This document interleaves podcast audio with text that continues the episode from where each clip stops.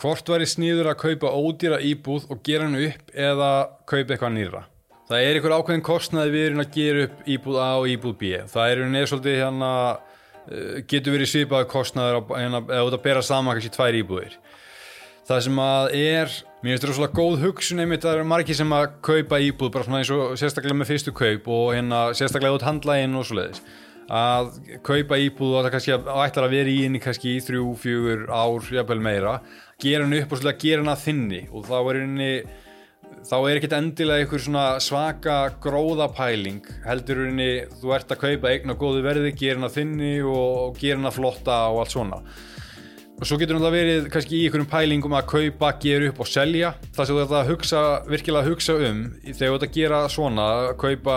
eign til að rauninni laga, gera hann upp og selja aftur og svona. Hugsaðu sérstaklega vel um rauninni ok, þú ert með íbúð A og með íbúð B. Í húsi A, það er þetta með húsfélag sem hefur verið bara vel reikið búið að sjá um allt viðhald hérna reglulega samheldin í rauninni stjórn sem er með húsfundi og fer í alla framkvæmdi sem þarf. Og jafnvel til kannski 2-3 miljónir í húsjóð svo er henni er, getur þú gert hann upp útlitslega kannski að innan og gert hann að sæta og allt það. En ef þú að bera þessa íbúð hérna sama við aðra íbúð sem að er bara nánast, mætti segja bara í niðun íslu eða ekkert til í húsjóð og ekki búið að halda húsfund kannski nokkur ár og jafnvel kannski ósætt á milli eiganda um uh, eitthvað, það getur verið svona það getur verið svo fljótt að samnast upp eitthvað svona auka kostnæður um leiðu að það að fara í eitthvað svona stóra framkvæmdir og sérstaklega það er náttúrulega mikið að mikið að framkvæmdir sem það er að fara í það er hérna dren og þak og alls konar. Það er ekkit endilega verra og hérna og ég, ég ætla ekki að segja að ég er að halda þið frá svoleiðis íbúðum en,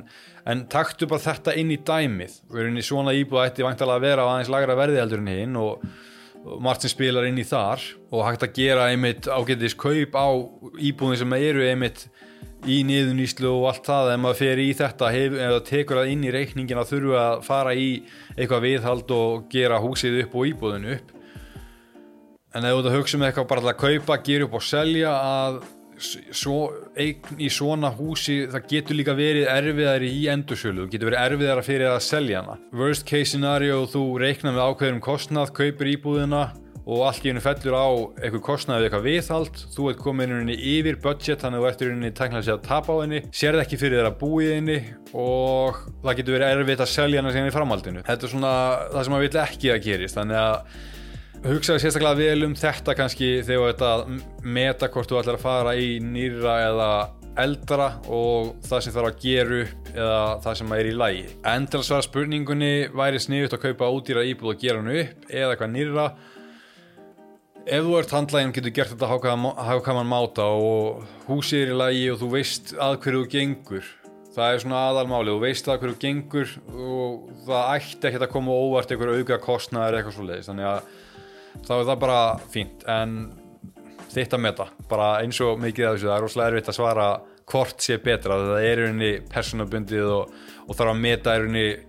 eignina bara eiginlega hverju sinni og það, þú færi þessa tilfinningurinn bara þegar þú fylgis með markaðanum en takk fyrir að senda spurningu, ég vonið að við svara spurningunni og, og ef þú finnur eitthvað sniðugt svona hérna sem ég er búin að posta, þá getur þú sendt á viniðina ef eitthvað er í sömu pælingum með til dæmis þetta að kaupa ódýr og gera upp eða eitthvað. Ef það er eitthvað svona sem að dettur í huga einhver vinnur eða vandamenn getur haft áhuga á en endilega senda þetta út deila gleðinni og já, eða góðan dag